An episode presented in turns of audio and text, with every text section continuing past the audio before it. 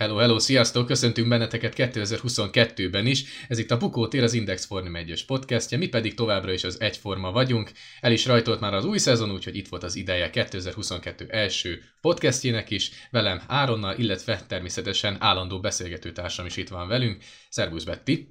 Sziasztok!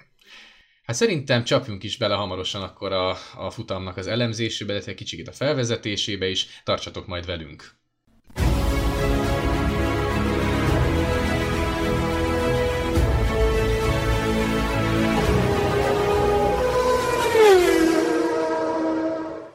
Hát végre, végre elrajtolt a 2022-es Forma 1-es szezon. Én azt gondolom, hogy a mögöttünk hagyott évad az, az minden várakozást felülmúlt.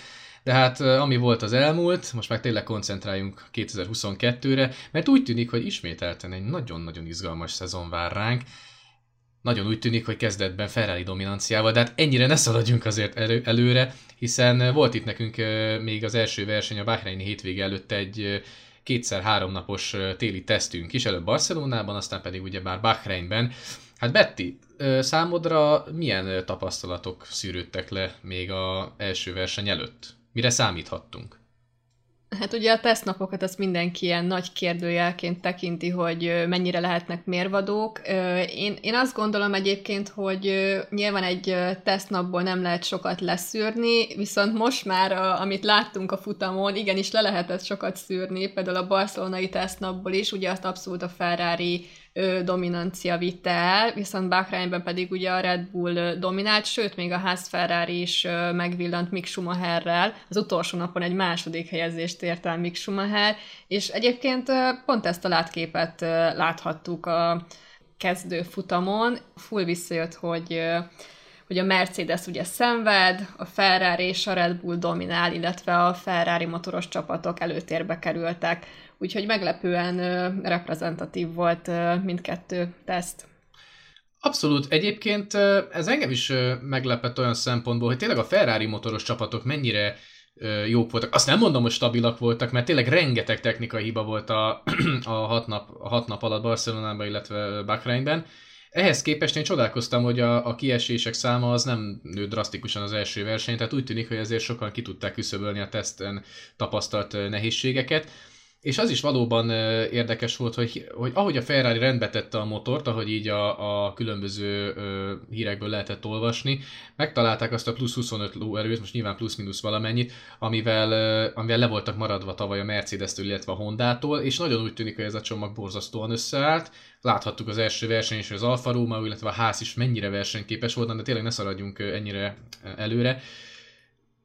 Erről muszáj beszélni, te elhitted azt a Mercedesnek, hogy ennyire gyengén fogják kezdeni az évet, vagy te inkább azok táborát erősítetted, akik azt mondták, hogy altatnak, ott lesznek megint a szeren, az időméredzésen föl fogják tekerni a motort, és olyat adnak majd a világnak, hogy amit általában ugye adtak is az első versenyeken az elmúlt években. Hát Áron, én most őszinte leszek veled, én abszolút úgy gondoltam, hogy a Mercedes altat, és egészen az időmérőig pontosan ezt gondoltam, hogy itt aztán nagy színház van, akkor Hamilton is ugye nyilatkozik Toto Wolff is, hogy úristen mekkora nagy bajba vannak, és hogy nem tudják, hogy hol a kiút, és hogy a gyárban a mérnököknek mindenkinek dolgoznia kell, mert hogy itt nincsen fény az alagút végén, és ezt így mondom, ez mekkora színház. És egyébként ez, ez nem színház. Tehát most ez a, ez a kőkemény valóság. Tehát ö, a Mercedes az, az tényleg elveszett. És az nem azt jelenti, hogy ugye a Mercedes nem tud visszazárkózni, mert hosszú a szezon, tehát 23 futamból áll, ez abszolút a leghosszabb szezonnak tekinthető, ugye a 2022-es év, bármi lehet, tehát akár egy ötödik, hatodik versenyre is hozhatnak ki olyan fejlesztéseket, amivel a Mercedes ott lehet a Red Bull Ferrari mellett, úgyhogy én azt mondom, hogy még ne írjuk le a Mercedes-t, viszont, viszont nem altattak. Én pedig most pontosan abba a táborba tartoztam, aki elhitte a Mercedesnek, hogy szenved, mert, hogy mondjam, ennyire látványosan visszaesni, tehát az, hogy azért a teszteken általában mindig megvillantak, tehát nem, nem mentek általában időmérős köröket, de egy-egy kis morzsát mindig elhintettek, hogy na azért vigyázzatok majd ránk, és nekem ott dölt el végleg a kérdés, amikor a, a, a szabad edzéseken is olyan, hát olyan ötödik, hatodik hely környéken, ugye voltak a negyedik, nyolcadik, ja, tehát top 10-ben voltak, de esélyük se volt a legjobb helyekre odaférni, és ott már nekem gyanús volt, hogy azért itt már általában az nyeregették a szabad edzéseket is. És amikor láttam azt, hogy tényleg Hamilton, amik a Q1-ben is mennyire szenved, meg főleg Russell, tehát Russellnek is még idő kell, hogy ezt az autót ő megszokja a tavalyi Williams után, Nekem onnan eldőlt, hogy ez a Mercedes ez tényleg gyenge, főleg, hogy utána ugye jöttek az elemzésekkel a, a versenyszimulációkról, hogy a, Mercedes mennyire a senki földjén van, hogy előttük van a Ferrari meg a Red Bull bőven, mögöttük meg hát azért tisztes távolságban jön a ház, Alfa Romeo és társai, Úgyhogy ez egy nagyon-nagyon érdekes kérdés lesz, hogy az alvó oroszlán az mikor fog tényleg felébredni majd, mert szerintem, főleg most olyan szempontból nehezebb a dolguk, hogy rögtön jön a következő, már ezen a hétvégén ugye Jeddában lesz a, a, a Forma 1-es mezőny, de nem nagyon van idejük most ö, gyors megoldást találni általában a, a problémáikra, különösen ugyebár hát a magyarul delfinezésnek nevezett ö, folyamatra, amikor az autó eszeveszetten elkezd pattogni, tehát borzasztóan rossz volt látni a Mercedes, hogy a versenytávon is egyfolytában az egyenesek végére már úgy pattogott szerencsétlen Hamiltonnak meg a Russellnek a fej, hogy az tényleg rossz volt nézni. Nagyon rossz lehet ezt átélni. Miközben a többi csapat meg ezt a teszteken tapasztalt jelenséget egészen jól tudták aztán mérsékelni, kontrollálni. Ugye három csoportra lehetett talán osztani a mezőnyt. Volt, akiknél ez a delfinezés szinte nem is volt jelen, ilyen volt, mint a Red Bull, a, vagy mondjuk a McLaren. Picikét lehetett csak látni a Ferrari-nál mondjuk, és a Mercedesnél, meg úgy általában a, a talán a, a Mercedes motoros autóknál, tehát még az Aston Martinnál is erőteljes volt abszolút, illetve az Alfa Taurinál is, na ők úgy tűnik, hogy ebből ki tudtak jönni, és az a fura, hogy a Mercedes nem. És Toto Wolf is elismerte, hogy nagyon félre, félreismerték ezt az autót, meg a fejlesztéseket, hogy nagyon nem váltak be. Ugye az volt náluk az extra, ez a iszonyatosan szűkre szabott oldalsó, hát nem is lehet oldalszekrénynek nevezni, mert kb. semmi sincsen ott, Viszont valószínűleg be az autóban brutális a potenciál, csak hát az lesz a kérdés, hogy ezt mikorra tudják tényleg kihasználni, amit te is mondtál. Lehet, hogy eltelik 5-6 verseny, és lehet, hogy addig közben a Ferrari meg a Red Bull szépen halad majd előre. Úgyhogy hát fel van adva a lecke, és már emiatt is nagyon izgalmas ez a, ez a szezon már egy futam után, hogy egyelőre azt mondjuk, hogy két, két csapat megy a világbajnoki címre, de ez könnyen lehet, hogy majd a Mercedes is tényleg be fog csatlakozni, úgyhogy ez nagyon érdekes lesz mindenképpen. Így van, viszont szerintem térjünk rá most már az időmérőre. Nem tudom, Áron, te számítottál egy ekkora Ferrari sikerre, mint ami az időmérőn következett be, illetve arra, hogy, hogy a ház Ferrari bekerül a Q3-ba? Hát a tesztek alapján azt azért lehetett várni, hogy a Ferrari, ha nem is nem is a leggyorsabb, viszont ott van valahol az elejében, mert nagyon stabilak voltak, tehát borzasztóan stabilak voltak. Nekem nagyon tetszett az, hogy ellentétben az elmúlt évekkel nem hirdettek már rögtön világbajnoki címet maguknak, hogy na hát milyen királyok voltunk, hanem szépen csöndben tették a dolgukat, és ez nagyon meglepő volt, és egyrészt ez valamilyen szinten szerintem egy ilyen megnyugvást is adott a csapatnak, hogy jó, most nem rajtunk van a fókusz annyira, szépen próbálták terelni, hogy nem, nem, a Red Bull az esélyes, stb. Tehát szépen tették a dolgukat, rengeteg kört mentek, kisebb technikai gondjaik voltak csak, de nem voltak jelentősek. Úgyhogy valamilyen szinten nekem a Ferrari annyira nem lepett meg, hát meg őszintén szólva szerintem nyugodtan lehetünk picit részrehajlók, a mezőny egyik legszebb autója lett. Hát egyébként is ez igaz, hogy az új építésű autók csodaszépek szerintem egytől egyig. Nagyon jó. És akkor egyszer egymás mellé tették a tavait, meg egy tavalyi, nem is tudom, talán ferrari meg, meg az ideit, hát Jézusom, az egyik a, a tavalyi az olyan, mint egy ilyen játékautó, tele ilyen mindenféle krix krax ilyen aerodinamikai elemekkel, biztos hatékonyak, de olyan csúnyák voltak meg ezek a lépcsőorrok, nem volt szép egyenletes, ezek az autók meg szemből főleg, ha még levesszük a glóriát, akkor tényleg olyan, mint a 2007-es, 8-as autók, amik szerintem a legszebbek voltak, na meg amik a 2005-ösek sem voltak csúnyák. Szóval tényleg néztem, hogy ó, nem de gyönyörűek, eszméletlen jól néznek ki. Úgyhogy, tehát még egyszer visszatérve, tehát a ferrari én nem csodálkoztam, a házon meg az Alfa Romeo már annál inkább, mert az egy dolog, hogy a motort rendbe rakták, illetve az erőforrás rendbe rakták, de hát oda azért tényleg kell a, a, a finesz is a mérnöki oldalról. És nagyon úgy tűnik, hogy a ház meg az Alfa Romeo nagyon betalált, legalábbis így az év elején. Nyilván a háznál ugye elmondták, hogy a tavalyi évet is beáldozták, hogy idén ö, tudjanak robbantani egyet, de hát azért legyünk őszinték, rengeteg gondjuk volt a tesztem. Én azt hittem, hogy egyébként mind a két autó ki fog esni a versenyen. Nyilván itt most egy kicsit bele kell keverni azt is, hogy ugye az utolsó utáni pillanatban Mazepint kirúgta a csapat, különböző okok miatt, ezt nyilván mindenki tudja, hogy miért. és jött a helyére Kevin Magnussen, aki szerintem mennybe meneteltéli át mostanában, nyilván majd elmondjuk, hogy mi miért, meg aki látta a versenyt, az úgy is tudja.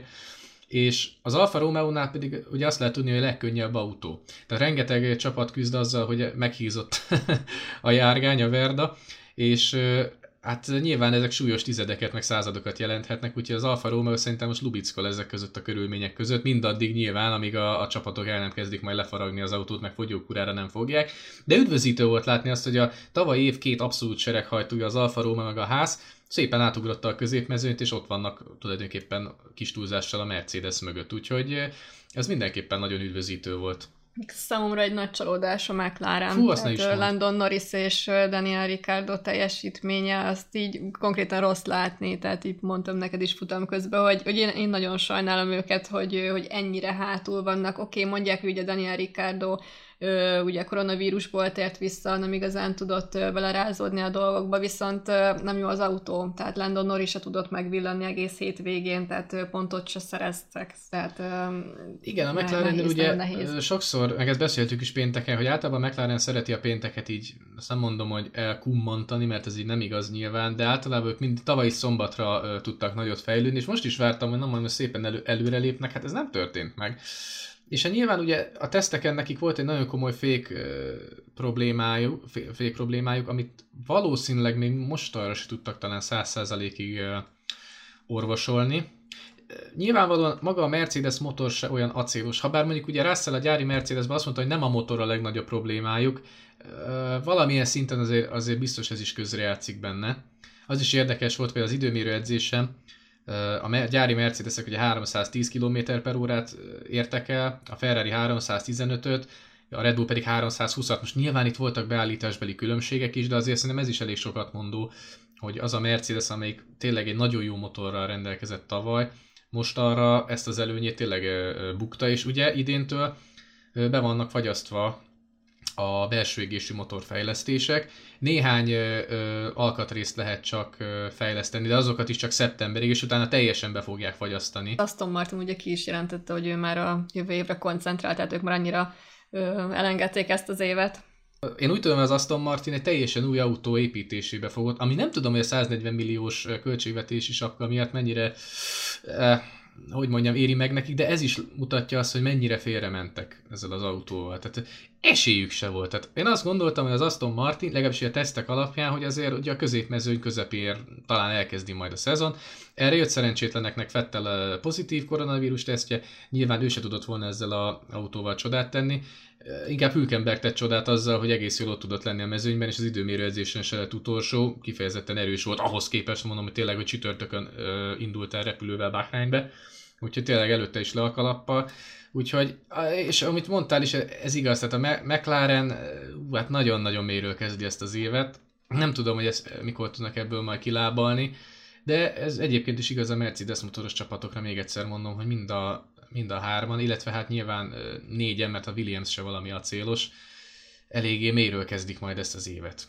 Hát ugye egy körön azt láthattuk, hogy a Ferrari nagyon atom, különösen Lökler alatt mozgott nagyon-nagyon jól az autó, de hát nyilván a versenytáv az egy másik dolog volt, és ott az, ott az elemzéseknél azt lehetett látni, hogy kicsit a, a Red Bull talán picit gyorsabb volt.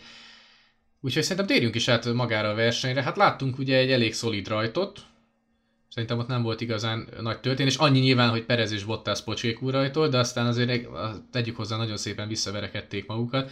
Illetve a másik dolog, ami rögtön szembe tűnt, hogy a Mercedes mennyire gyorsan kezdi el a gumikat enni.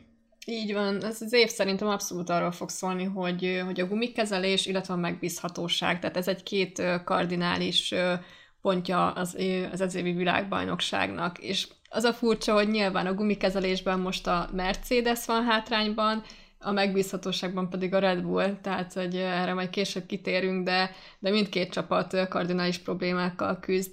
Tehát ugye láthattuk, hogy, a, hogy az elején ugye Lewis Hamilton nagyon-nagyon sokat panaszkodott a gumikra, ugye ő állt ki elsőként a boxba, igaz jelezte a versenymérnökének, hogy ez korai kiállásnak ítéli meg, viszont ugyanúgy, tehát rosszul menedzselte a gumit a Mercedes. Én azt láttam egyébként, hogy, hogy a ferrari a gumikezelésben a top egyek. Charles Leclerc nagyon-nagyon szépen tudta menedzselni a tempót az élen, és ez a, ez a Verstappen Charles csata, ez, ez valami zseniális volt, nem tudom, hogy te, te mit gondolsz erről, Áron, de ez csoda, tehát ez örömboldogság volt nézni, hogy, hogy ez az év lehet, hogy erről fog szólni, hogy Ferrari és Red Bull, és, és face to face. Hát figyelj, engem kiráz a hideg még most is, hogyha belegondolok. Tehát az, hogy ez a két srác, tehát Hát, mint, mint valami két, nem tudom, két ötszörös világbajnok. Olyan, gyere öreg, nézzük meg, hogy mit tudunk. Tehát eszméletlen jó volt. Tehát az, hogy jaj, jaj, jaj, jaj, Verstappen, hú, ezek kilökik egymást, ezek ki fogják, és annyira uh, szép párviadal volt. Jó, egyébként tegyük hozzá, lehet, hogy mondjuk uh, 12 futam múlva, hogyha ez a kettő ember mondjuk egy, egy pontra lesz egymástól a végén, lehet, hogy már egymást fogják kilögdösni, ezt nem tudom egyébként, de ez valami eszméletlen jó volt. És az látszott, hogy uh, egyrészt, hogy a Red Bull ezt most már alá is támasztották, valóban az összes energia visszanyerését a célegyenesre tartogatta, ezért tudta ilyen látványosan támadni a célegyenesben Löklert az első kiállások után a holland, és éppen ezért nem nagyon volt ellenszere a, a négyes kanyarban már, hiszen Lökre pedig nagyon ügyesen taktikázva bevallotta, hogy mindig korábban fékezett a célegyenes végé, hogy ezt a manővert elő tudja készíteni, és először külső íven körbeautózta Verstappen, aztán amikor másodjára vágott vissza, akkor meg belülről de valami azt, ami azért verstappen így az elmúlt időszakban nem nagyon előzték meg szerintem. Tehát általában vagy nem, nem merték megelőzni, vagy nem tudták, vagy pedig rántotta magával, aki kísérletezett, ugye általában Hamilton. Úgyhogy ez, ez gyönyörű volt egyébként, és hát ó, tényleg, ú, és az a két autó egymás mellett, két gyönyörű konstrukció, hú, hát nagyon remélem, hogy még sok ilyen lesz majd egyébként. És az is látszott egyébként, és akkor visszatérek, hogy nyilván mindent erre, ennek rendeltek alá a Red Bullnál beállítás terén, de az látszott, hogy ezek az új konstrukciókkal, és nem csak erre a csatára gondolok, hanem bármelyik másikra, sokkal jobban tudták egymást követni a srácok. Nem volt ez a, ez a belső kamerában látható korrigálás, cunami, hanem szépen tudták a másikat követni, és hát a DRS miatt megint volt egy csomó olyan előzés, ez a kikerülés, de tényleg, mint, a, mint ha állt volna az elő, előlévő. Tehát én szerintem előbb-utóbb el fognak gondolkozni azon, hogy a DRS-t nem feltétlen minden pályáról, de ahol, ahol statisztikailag kimutatható, hogy nagyon könnyűvé tette az előzést az elmúlt években, ott lehet, hogy mondjuk betiltanák. Szerintem ez nem lenne hülyeség. Persze, ez hatalmas technikai előny, szerintem se, tehát uh, itt azért olyasfajta uh, pluszt ad egy uh, pilótának, ami, ami teljesen mindegy szinte, hogy milyen uh, teljesítmény nyújt az autó, mert oda-vissza. Igen, tehát inkább akkor lássunk, ne, hat, ne 120 előzést lássunk, aminek tényleg a 90% a kikerülés, hanem akkor legyen 10 előzés, de az olyan legyen, hogy mint ez a Lökler Verstappen csata, ahol nyilván szintén a DRS azért szerepet játszott, viszont azt tegyük hozzá, két azonos gumigarnitúra volt, nyilván ugye Löklernek idő kellett, mire megmelegítette azokat a gumikat, de utána, és akkor szerintem áttérhetünk a futam közepére, onnantól megint Leclerc nagyon szépen tudta növelni az előnyét. Tegyük hozzá, hogy Verstappen szerintem egy kicsit forrófejű is volt, mert egyszer ugye a harmadik próbálkozására nagyon csúnyán elfékezte a, a gumiát. Nem tudom, hogy mennyire érezte azt, hogy most kell megelőzni a Leclerc, hogy esetleg tudott-e volna várni, hogyha még nem fékezi el, és megy a, a monakói mögött, vagy lehet, hogy érezte azt, hogy megint el fog előle lógni.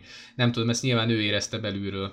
Hát figyelj, ugye a Red Bull mindkétszer megpróbálta az elévágást Verstappennel, és nem sikerült, tehát oké, okay, hozott rajta azt a két-három másodpercet, azt behozta, tehát amit a, amilyen hátrányát azt ledolgozta, viszont nem tudott mit kezdeni Löklerrel, úgyhogy én azt mondom, hogy ez a minimális előny most a ferrari van. Igen, ez, ez mondjuk ez tényleg igaz, ez abszolút igaz, és hát amikor ugye már úgy nézett ki, hogy hogy jól van, megvan, a, ahogy ezt Verstappen is mondta, hogy hát jól van, akkor lesz egy második helyem, jól indul a szezon, Hát akkor csapott be a ménkő, ménkő ugye először is elbúcsúztunk Gasly-tól, akinek egyszerűen kigyulladt az Alfa Tauria. Iszonyatosan pekhes ez a srác. Én annyira sajnálom, megint tök jó izmos pontszerző helyen volt, az év elején már lesajnált Alfa Tauri valami brutálisan delfinezett a, a, az egyenesekbe. Egyébként Szeretném felhívni a, a hallgatóinknak a figyelmét, hogy itt a napokban hamarosan az Indexen majd kollégának, dr. Klink Sándornak jelenik majd meg egy cikke, ami éppen ezt a delfinezés jelenséget fogja feldolgozni. Szerintem érdemes lesz majd elolvasni, mert nagyon izgalmas, hogy tényleg mitől pattognak ennyire az autók,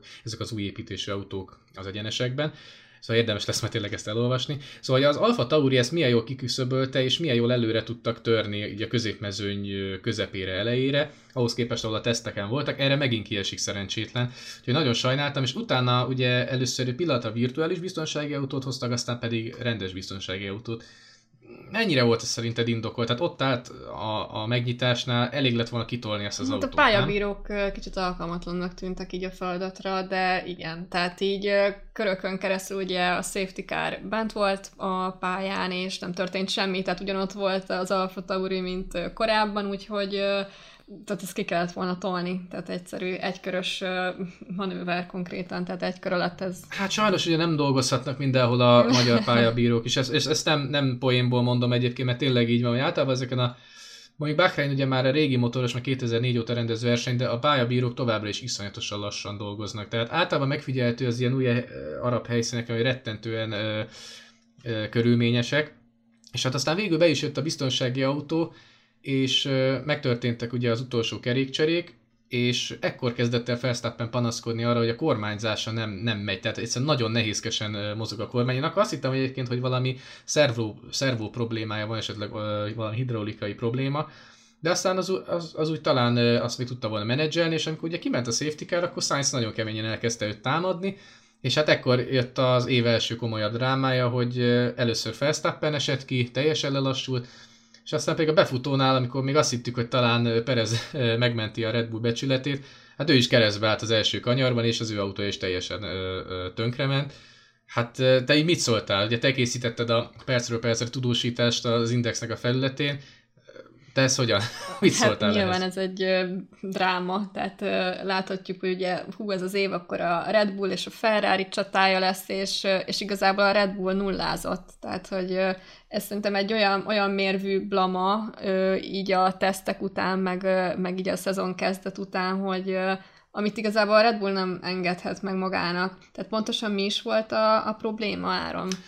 Ugye először sokan tanakodtak, még ilyen is megfordult az internet, hogy nem lehet, hogy az üzemanyag kifogyott belőle, hát ez gyerekek annyi szenzor nézi, meg ilyesmit, biztos, hogy ez nem fordult elő. Viszont az üzemanyaghoz olyan szempontból köze volt, hogy mind a két Red Bullban az FI által, tehát az FI beszállítója által kül rendelkezésre bocsátott üzemanyag benzin pumpa ment tönkre mind a két Red Bullban.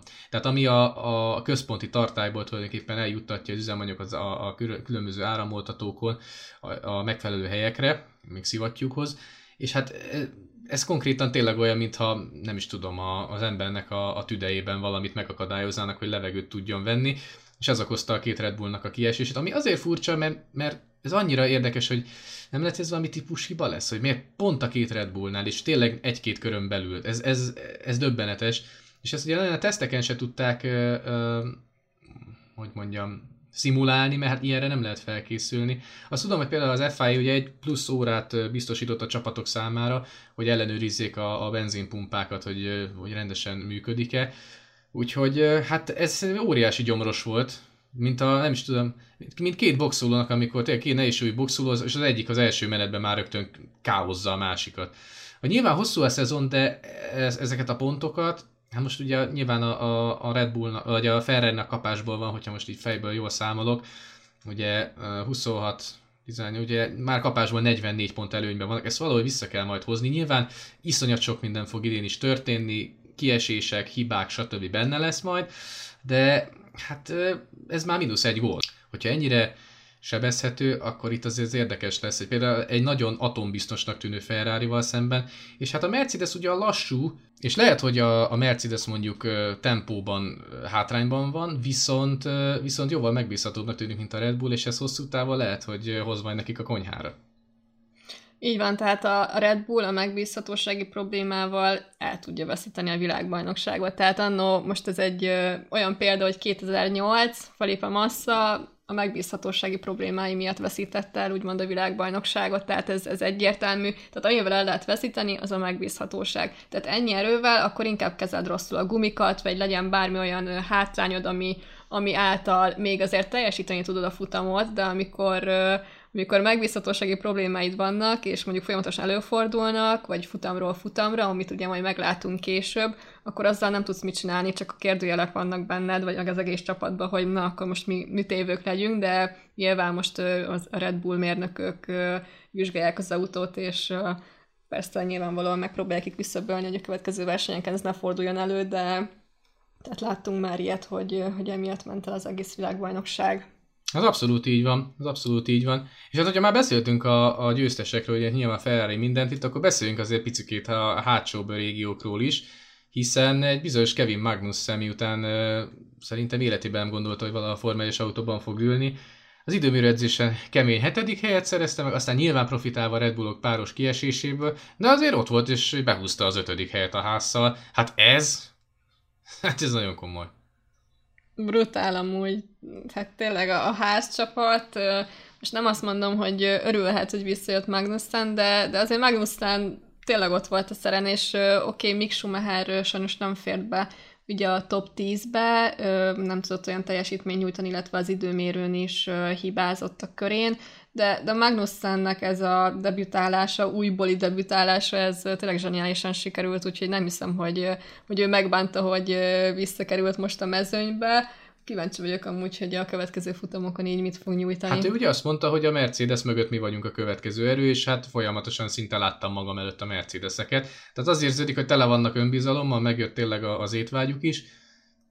Schumachernek egy picikét majd most kell tudnia azt kezelni, hogy ezt az autót tényleg úgy, úgy meg tudja ülni normálisan, mert az az időmérőedzésen csak hibázott, ezért nem került be a legjobb tízbe, illetve hát nyilván a verseny ugye rögtön megforgatta őt okon az elején, ez valószínűleg azért döntően befolyásolta az ő versenyét, Viszont hát előtte ért célba élet első Form 1 utamát teljesítő kínai Huang Zhu, ugye, a kínai srác, srác is. És rögtön egy pontot szerzett. Bizony, bizony. Az első gyenge debütálás szerintem. Látod azt a videót egyébként, hogy hogy ünnepelt a csapattal? Vasszaj nézd meg, hát az, az annyira, annyira jó, hogy egy tizedik helynek mennyire lehet örülni. Ez tényleg jó volt látni. Emlékszem, amikor Russell mennyire örült Jaj. annak, hogy pont szerző lett, és konkrétan Persze. elsírta magát, ugye pont a, a Nemzeti Csatorna, a Nemzeti Sportcsatornánk kamerái előtt, tehát az is egy nagyon megkapott pillanat, hát és ugye... ezek, ezek a nagy panos sikerek, amikor elérsz egy olyat, ami, ami egy minimális sikernek mondható más, tehát hogy így más számára, de, de ez egy hatalmas kő esik le ilyenkor a pilótáknak a lelkéről. Hát igen, abszolút, ez, ezt az első pontot megszerezni ebben az iszonyat kiélezett mezőnyben, mázlival, nem mázlival, akkor is ott kell lenni, ahogy az Bangartner Zsolt is megcsinálta 2004-ben. Úgyhogy tényleg le a kalappal Zsú előtt is, és hát a csapattársa Bottas előtt is, aki tényleg nagyon jól ment az alfával, és hatodik lett, úgyhogy Bravo, bravo, rengeteg szép teljesítmény volt az idényító versenyen, rengeteg meglepő ö, negatív meglepetés is volt, ahogy ezt még a McLarennel említettük, vagy mondjuk a Red Bull kiesésével, illetve a Mercedes gyengeségével is. Mi lehet majd Jeddában, hiszen hétvégén már Szaudarábiában fognak körözni a srácok? Hát ugye a Mercedes tavaly dominált itt, most ez egy nagy állomvágás lesz, hogy valószínűleg nem lesznek az első helyek között. Szerintem hozni fogja a Ferrari ismét ezt az erős teljesítményt, és én kíváncsi vagyok a Red Bullra, hogy ki tudják-e küszöbölni ezeket a megbízhatósági problémákat, mert hogyha már a második versenyen is valami előfordul, akkor az elég negatív fényt vet majd a, az idei szezon következő részeire. Hát igen, vannak nyitott kérdések, én is azt várom, hogy a Ferrari lendületben fog maradni, és behúzza majd a, a szaudarábiai nagydíjat is, nyilván aztán, aztán majd meglátjuk. Hát és a Red Bull tényleg, hogy mm, hogyan tud ebből a pofonból fölállni, mert szerintem egyetértünk, ez egy nagy pofon volt mindenképpen a csapat számára.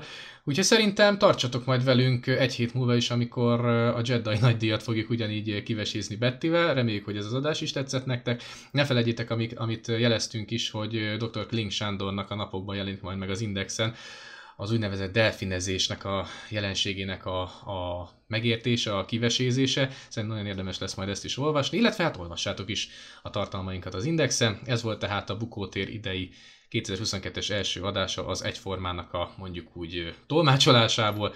Tartsatok velünk majd a jövő héten is. Sziasztok! Sziasztok!